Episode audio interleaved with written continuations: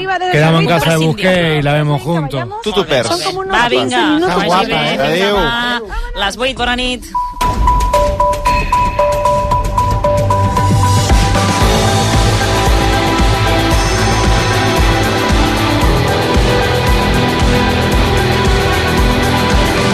A RAC1 no ho sé, amb Anna Ballonesta. També no ho sé breu fins a dos quarts de nou, abans que comenci la Champions a jugar a RAC1. Repassem el més destacat del dia, començant per tot l'enrenou al voltant de la compra de dades biomètriques, com l'iris de l'ull, a canvi de criptomonedes. Doncs bé, l'Agència Espanyola de Protecció de Dades ja està investigant aquesta pràctica dubtosa. De seguida ho ampliarem. A banda d'això, el govern també pressiona els partits perquè aprovin els pressupostos per fer front a la sequera. El president Pere Aragonès ha recordat durant el ple monogràfic que si continua sense ploure vindran mesos complicats. Encara al Parlament avui s'ha admès a tràmit una iniciativa legislativa popular per declarar la independència. La mesa ja ha donat el vistiplau amb el suport de Junts i la CUP, mentre que Ciutadans i Vox amenacen de portar-ho als tribunals. I això mentre la tramitació de la llei d'amnistia guanya 15 dies de marge perquè els partits puguin continuar negociant. Una pròrroga que coincideix amb un nou revés al jutge Manuel García Castellón. La justícia suïssa no li compra l'argument del terrorisme pel tsunami democràtic i veu, de fet, voluntat política i també li reclama més informació. I avui a Badalona han hagut de desallotjar una vintena més de veïns del bloc del costat del que es va esfondrar fa uns dies. Els veïns havien alertat que hi havia esquerdes i els bombers han decidit que era millor que marxessin de casa. I acabem amb la previsió del temps. Demà serà un dia de núvols abundants, tot i que no plourà. Temperatures semblants a les d'avui a primeres hores, amb fred poc intens i entre 2 i 4 graus més baixes al migdia. De seguida tot amb més detall. Ara són les 8 i pràcticament 2 minuts. Pep Tormos, bona nit. Bona nit. Les autoritats ja investiguen, com dèiem, la compra d'iris per part d'empreses privades a canvi de criptomonedes.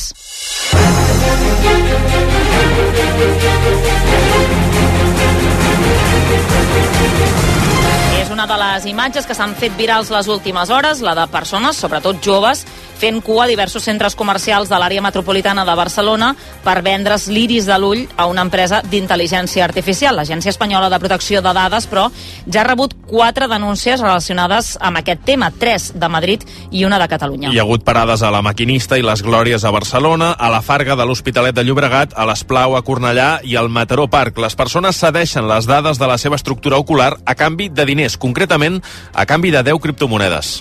Sí, me han dado bastante dinero. Empezaron con 30 euros y ayer subió un 40% y ahora tengo 160. Y se supone que con, con lo que ganan ellos con la inteligencia artificial es lo que nos, es lo que nos repercute a nosotros de dinero. Eh, para que nos den dinero. A cambio de una foto de la retina y el DNI y ya está. Són testimonis d'algunes de les persones que aquest matí feien cua en un dels punts on es fan aquests escàners oculars a Barcelona. Al darrere de tot plegat hi ha l'empresa Wallcoin, creada pel director d'OpenAI, la companyia responsable del xat GPT. En té més detalls l'Anna Salvador.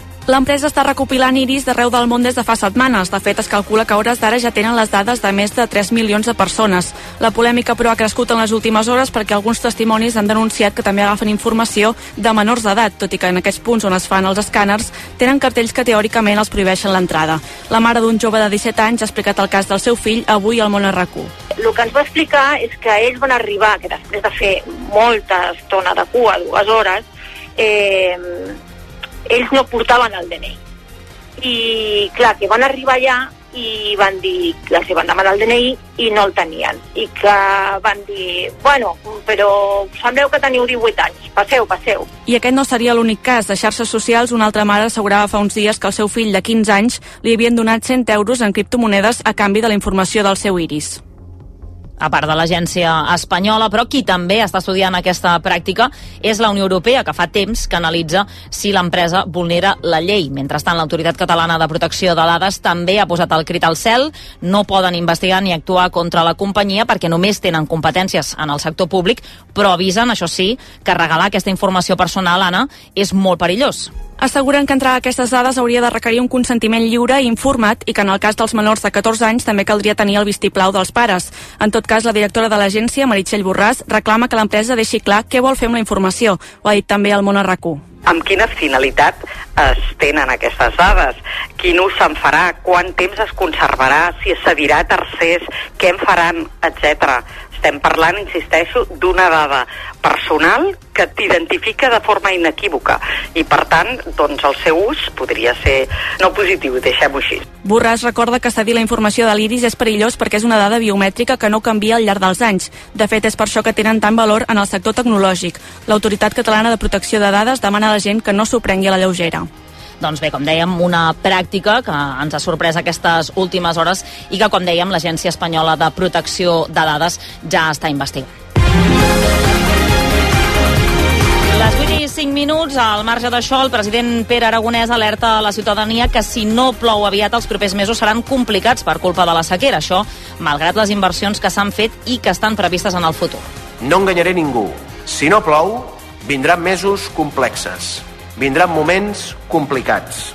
I des del govern els afrontarem com ho hem fet fins ara, buscant una solució a cada problema i treballant també de la mà dels sectors econòmics més afectats per la sequera i que estan fent un esforç ingent per intentar minimitzar els seus efectes. El president ho ha dit al ple monogràfic de la sequera que s'ha fet aquesta tarda al Parlament, on govern i oposició s'han retret mútuament els retards a l'hora de fer les infraestructures vinculades amb l'aigua. El president també ha aprofitat per redoblar la pressió als partits de l'oposició perquè aprovin els pressupostos. Eudal Martínez.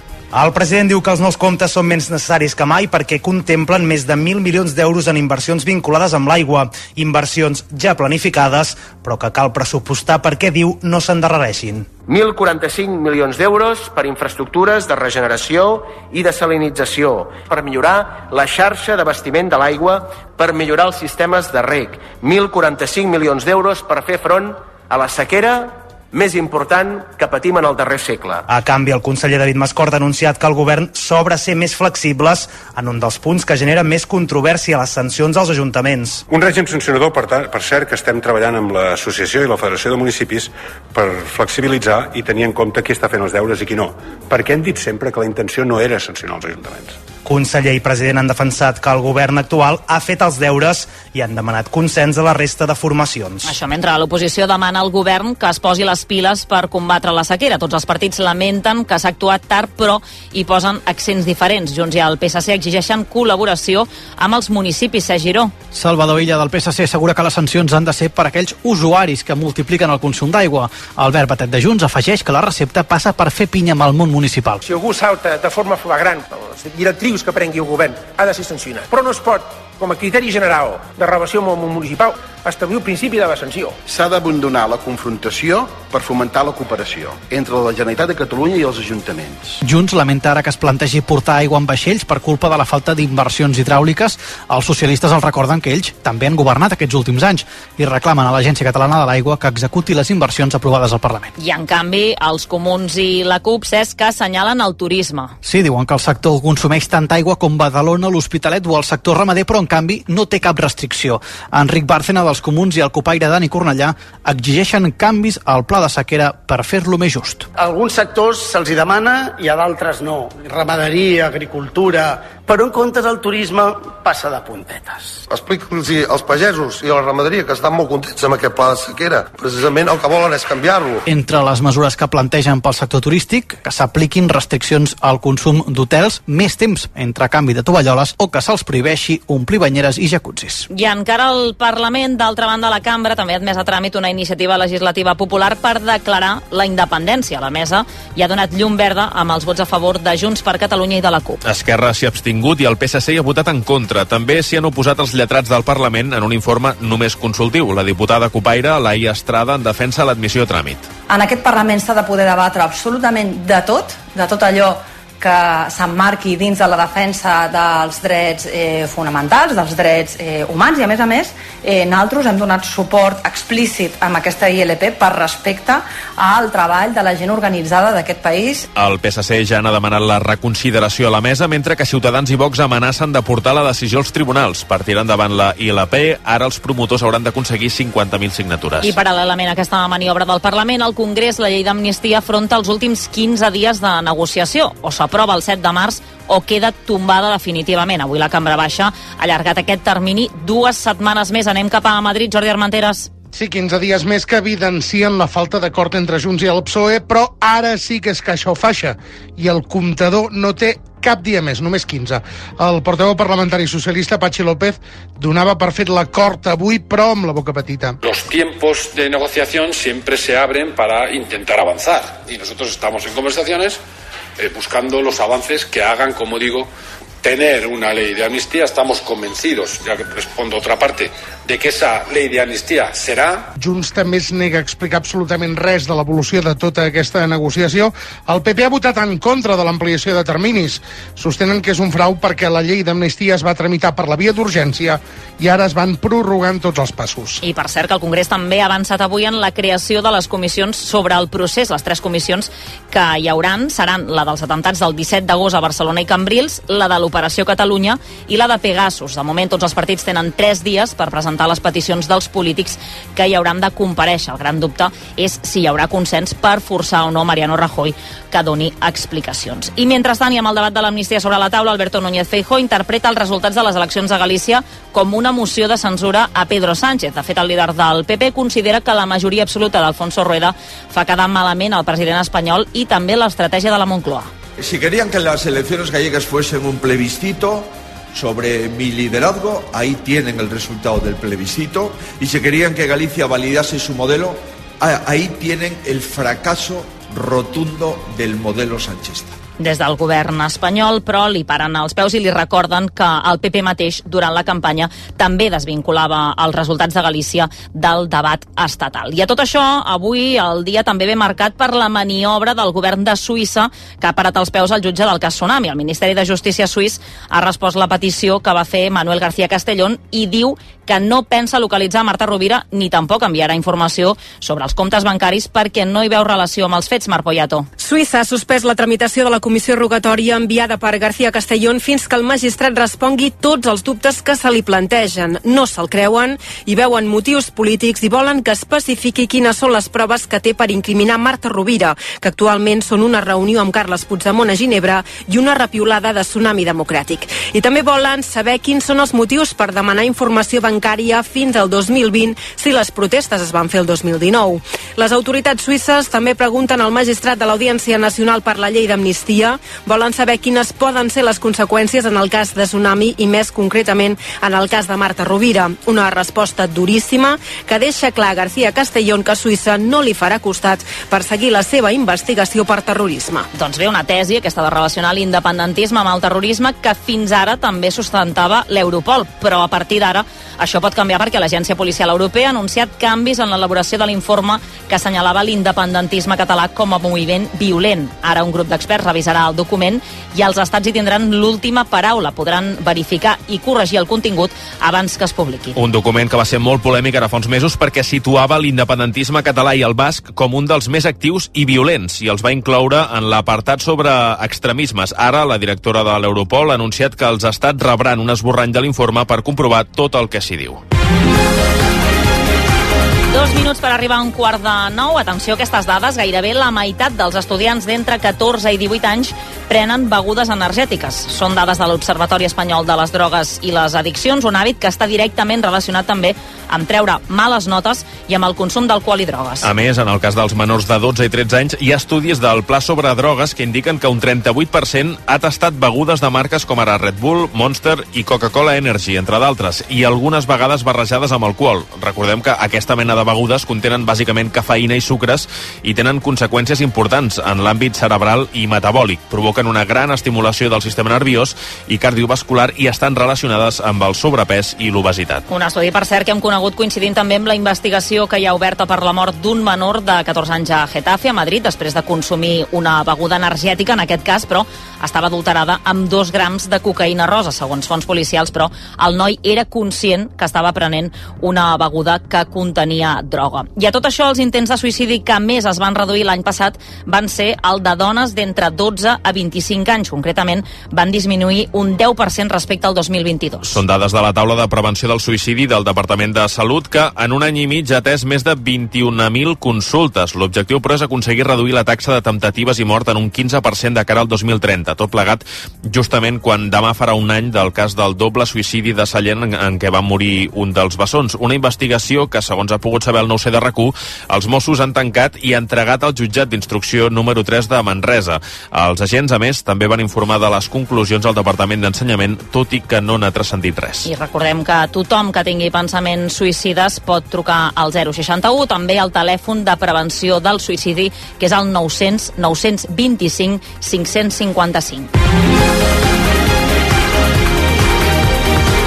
Un quart de nou i tornem de nou al Parlament que demà aprovarà que els delictes sexuals greus a menors no prescriguin mai i que la resta ho facin més tard del que passa ara, quan les víctimes tinguin entre 50 i 55 anys. És com dèiem una proposta per modificar la llei que s'enviarà cap al Congrés dels Diputats.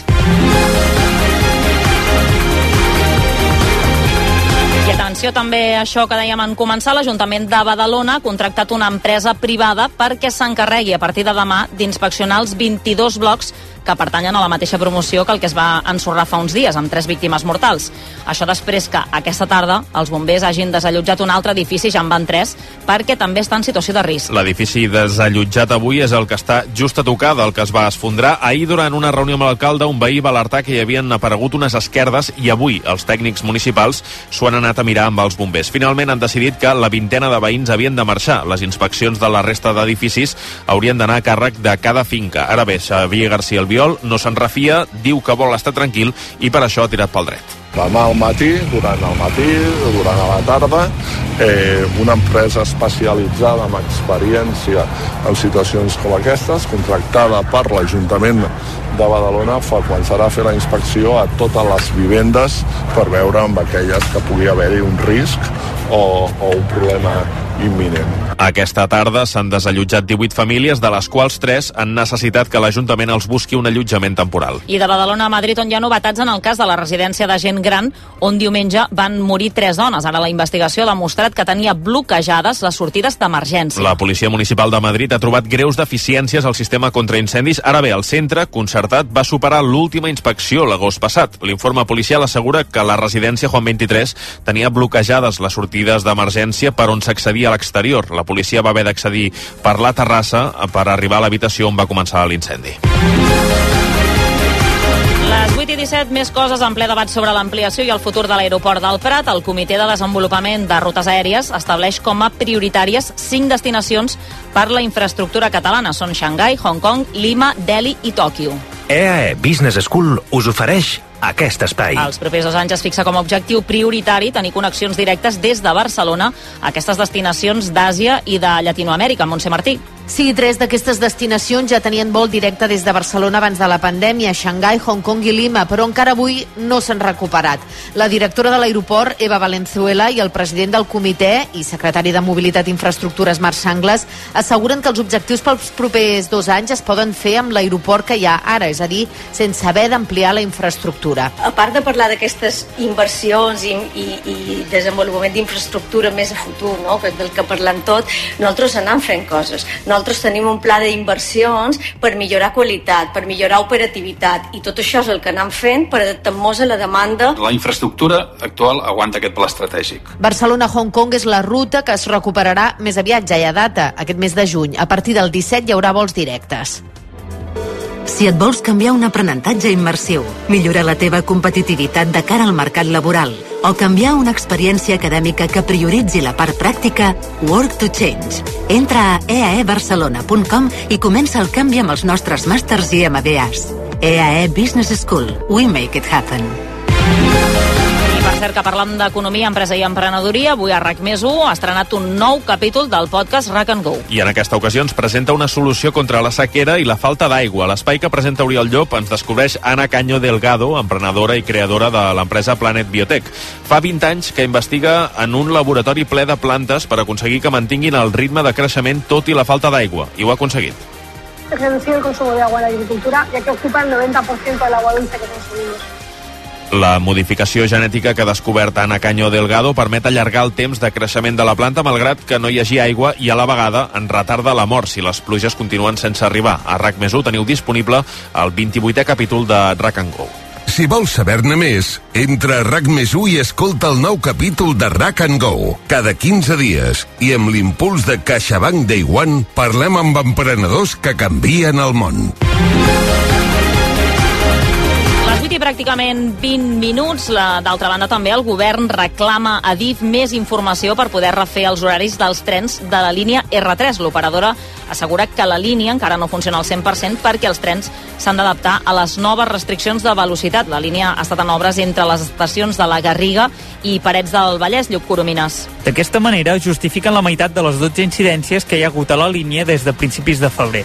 Ho han detallat en una reunió telemàtica que s'ha fet aquesta tarda al Departament de Territori, on també hi havia els alcaldes dels municipis afectats pel mal funcionament. El director general de Transports del Departament, Oriol Martori, ha explicat què reclamen a l'operadora. hem demanat ja és que s'estudi aquesta configuració temporal dels serveis i que s'adecuïn els serveis en els horaris que eh, previsiblement poden ser complibles per part de l'operadora. També el que demanem i hem reclamat és que es tornin a posar tota una sèrie de serveis alternatius, en aquest cas de transport per carretera, A partir del 5 de març, Adif i Renfe calculen que es pugui recuperar certa fluidesa a la línia, tot i que asseguren que encara no podrà funcionar al 100%. 8 i 21 i el Regne Unit, Julia- Julian Assange s'aferra a una de les seves últimes oportunitats per evitar que l'extradeixin als Estats Units. Avui ha començat una vista de dos dies a Londres, on el fundador de Wikileaks vol convèncer el tribunal que el persegueixen per motius polítics. Els nord-americans el volen jutjar per haver filtrat documents secrets que revelaven crims de guerra de l'exèrcit dels Estats Units a l'Iraq i a l'Afganistan. Corresponsal de RAC1 a Londres, Sergi Forcada. Julian Assange no ha assistit a la vista al Tribunal Superior de Londres perquè no es trobava bé i la seva defensa ha alertat del risc que l'extradició als Estats Units pot suposar per la seva salut física i mental. A més, ha exposat que durant la presidència de Trump, la CIA va intentar assassinar Assange mentre vivia reclòs a l'ambaixada de l'Equador a Londres. Els nord-americans l'acusen de 18 delictes d'espionatge i crim informàtic que podrien comportar fins a 175 anys de presó. Assange és des del 2019 en una presó de màxima seguretat britànica i lluita, fins ara sense èxit, contra l'extradició. Després de sentir la defensa d'Assange, demà seran els advocats dels Estats Units els que argumentaran per què s'hauria de mantenir aquesta extradició. Si Assange perd de nou aquesta batalla, l'únic recurs que li quedarà serà recórrer al Tribunal Europeu de Drets Humans. Doncs bé, també a Barcelona aquesta tarda s'han concentrat més de mig miler de persones per defensar la llibertat d'Assange. Ha sigut davant del consolat britànic. Els manifestants han tallat la diagonal al costat de la plaça Francesc Macià, on han llegit un manifest i hi ha hagut parlaments, entre d'altres, de Lluís Llach. 8 i 22, els malalts d'ELA es queixen de la poca atenció política que tenen i la falta de diners per cobrir les cures. La llei de l'ELA, que s'havia d'aprovar fa mig any, no va prosperar per la convocatòria d'eleccions espanyoles precipitades i des de llavors no s'ha fet pràcticament res. A més, la classe política ha quedat també retratada avui al Congrés donant l'esquena a les associacions de malalts. Tornem de nou a Madrid, Jordi. Si només cinc polítics han anat a la jornada sobre la llei de l'ELA promogudes per associacions. Jornades que es feien al mateix Congrés dels Diputats. Juan Carlos Unzué els ha retratat. es cuántos diputados o diputadas hay en la sala. ¿Podéis levantar las manos?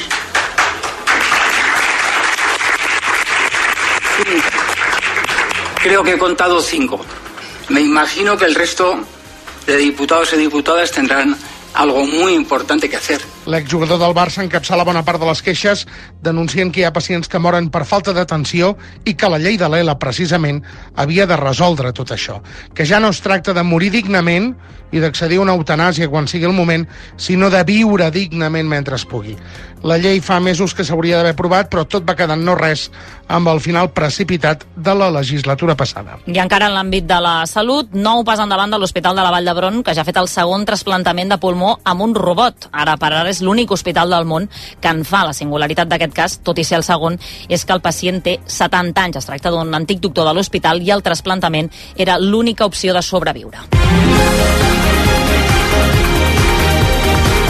Successos, atenció a aquest cas, a Extremadura, a Don Benito, un jutge investiga un capellà i la seva suposada parella sentimental, un altre home, per traficar amb Viagra. La Guàrdia Civil els va detenir ahir en el marc d'una operació contra el tràfic de drogues. Els agents han escorcollat la parròquia i la rectoria on vivien els dos detinguts i des d'on distribuïen la Viagra i altres afrodisíacs amb una gran quantitat de càrrega activa. Després de passar a mans del jutge, el capellà ha quedat en llibertat provisional i la seva parella ha entrat a presó de forma preventiva. El, el bisbat de Plasència diu que estan disposats a col·laborar en tot el que calgui.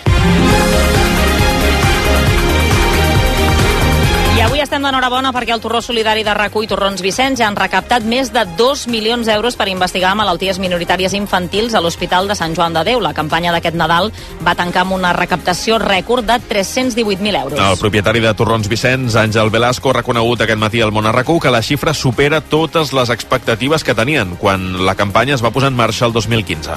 Intentem sempre fer coses grans i, i el millor possible, però jo crec que a les xifres on, on estem arribant amb aquest projecte tan, tan raco com, com Torrons Vicenç, jo crec que a l'hospital ens ho dirà, no? i ens ho comentava ara abans d'entrar, mm. són xifres que, que no estan gaire acostumats. L'hospital destinarà els diners al projecte Brain, ho ha explicat el director mèdic del centre, Miquel Pons. És un acrònim, no? Barcelona, recerca, assistència, innovació en neurociències.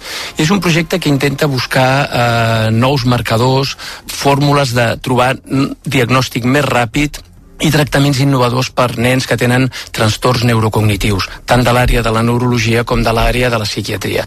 La campanya del Torró Solidari del Nadal que ve serà ja la desena amb la intenció de tornar a assolir un altre rècord. I en cultura, atenció a aquesta dada, només un de cada quatre artistes catalans supera els 18.000 euros anuals d'ingressos i dos de cada tres actors i ballarins es troben per sota del llindar de la pobresa. Són dades de l'estudi que ha fet la Fundació AIG. Aquesta tarda se n'han fet públics els resultats a l'Espai Actua de Barcelona. Ho ha seguit el Bernat González. Viure de l'art és una missió molt complicada a Catalunya i la situació és encara pitjor per les dones que pels homes. Les actrius ingressen de mitjana 10.000 euros l'any, mentre que els actors un 50% més, uns 15.000 euros. Ivan Arpa, coordinador de la Fundació, explica els motius d'aquesta bretxa de gènere abismal. Entrecomillamos evidentemente esto que voy a decir, que son las obligaciones de género, que tradicionalmente se han eh, ocupado las mujeres de maternidad, cuidado de hijos o de mayores dependientes, la falta de apoyo familiar e institucional y toda la dificultad que se limita con todo esto que estamos comentando para trabajar como artista. L'estudi també destaca que el 49% dels actors i ballarins catalans han de buscar un pla B, una segona font d'ingressos a part de l'artística per poder subsistir. I normalment les segones feines no tenen res a veure amb l'art o la cultura. I seguim parlant de cultura perquè ja ha començat el compte enrere perquè el Cirque du Soleil estreni d'aquí a un mes Alegria a l'Hospitalet de Llobregat. Aquest matí han aixecat la carpa i d'aquí a una setmana ja tindran les instal·lacions a punt perquè els artistes comencin a assajar. Alegria torna renovat, mantenint això sí la banda sonora que el 1994 el va fer famós. I en música el Festival Sonor ha completat el cartell i destaquen grans figures de la música electrònica com el productor alemany Paul Kal Kalkbrenner, el DJ francès Laurent Garnier i el canadenc Richie Hottin. Aquests noms que se sumen als que ja se sabien, com el duet francès Air, el raper Vince Staples i Jesse Ware. El sonar es farà a Barcelona del 13 al 15 de juny. I així sona el més nou de Dani Martín, que es diu Esther Exposito. Parla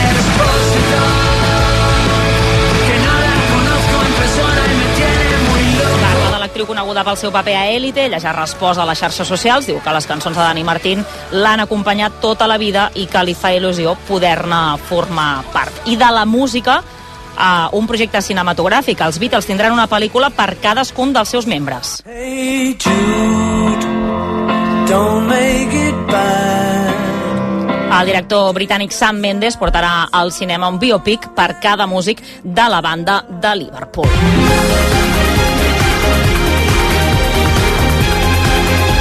I acabem amb el temps, amb l'Abel Caral. Abel, bona nit. Bona nit. Demà molts núvols, però en principi no ha de ploure. No ha de ploure i serà l'últim dia d'aquesta setmana que no tindrem precipitacions. Dijous, al final del dia, n'arribaran des de l'Aragó, des de França, i després, al final de setmana, també tindrem precipitacions en força comarques, sobretot del Pirineu, ho haurem d'anar seguint, baixaran les temperatures. De moment demà baixen una mica, però eh, encara podem acostar-nos als 20 graus, no pujaran tant com avui, però encara ens podrem acostar als 20 graus a l'interior de les comarques de Girona. Eh, de matinada, temperatures de bon matí, molt setmanes als que hem tingut avui, fred, però no especialment intens, res a veure amb el que tindrem, com dèiem, a finals de setmana. Gràcies, Abel, bona nit. Bona nit. Doncs els del nou ho deixem aquí, ara s'hi posen els de la Champions a jugar a rac Nosaltres hi tornem dijous, en l'horari habitual. Que vagi bé, bona nit. RAC 1 A The Rustic Bakery tenim el que cal per fer un gran pa. Temps. Perquè deixem fermentar la nostra massa mare durant 14 hores. Només així et podem oferir el millor. The Rustic Bakery. Amb temps, tot és més bo. A CaixaBank sabem la importància de tenir algú a prop. A l'illa més remota del món i aquí, a prop teu. Per això tenim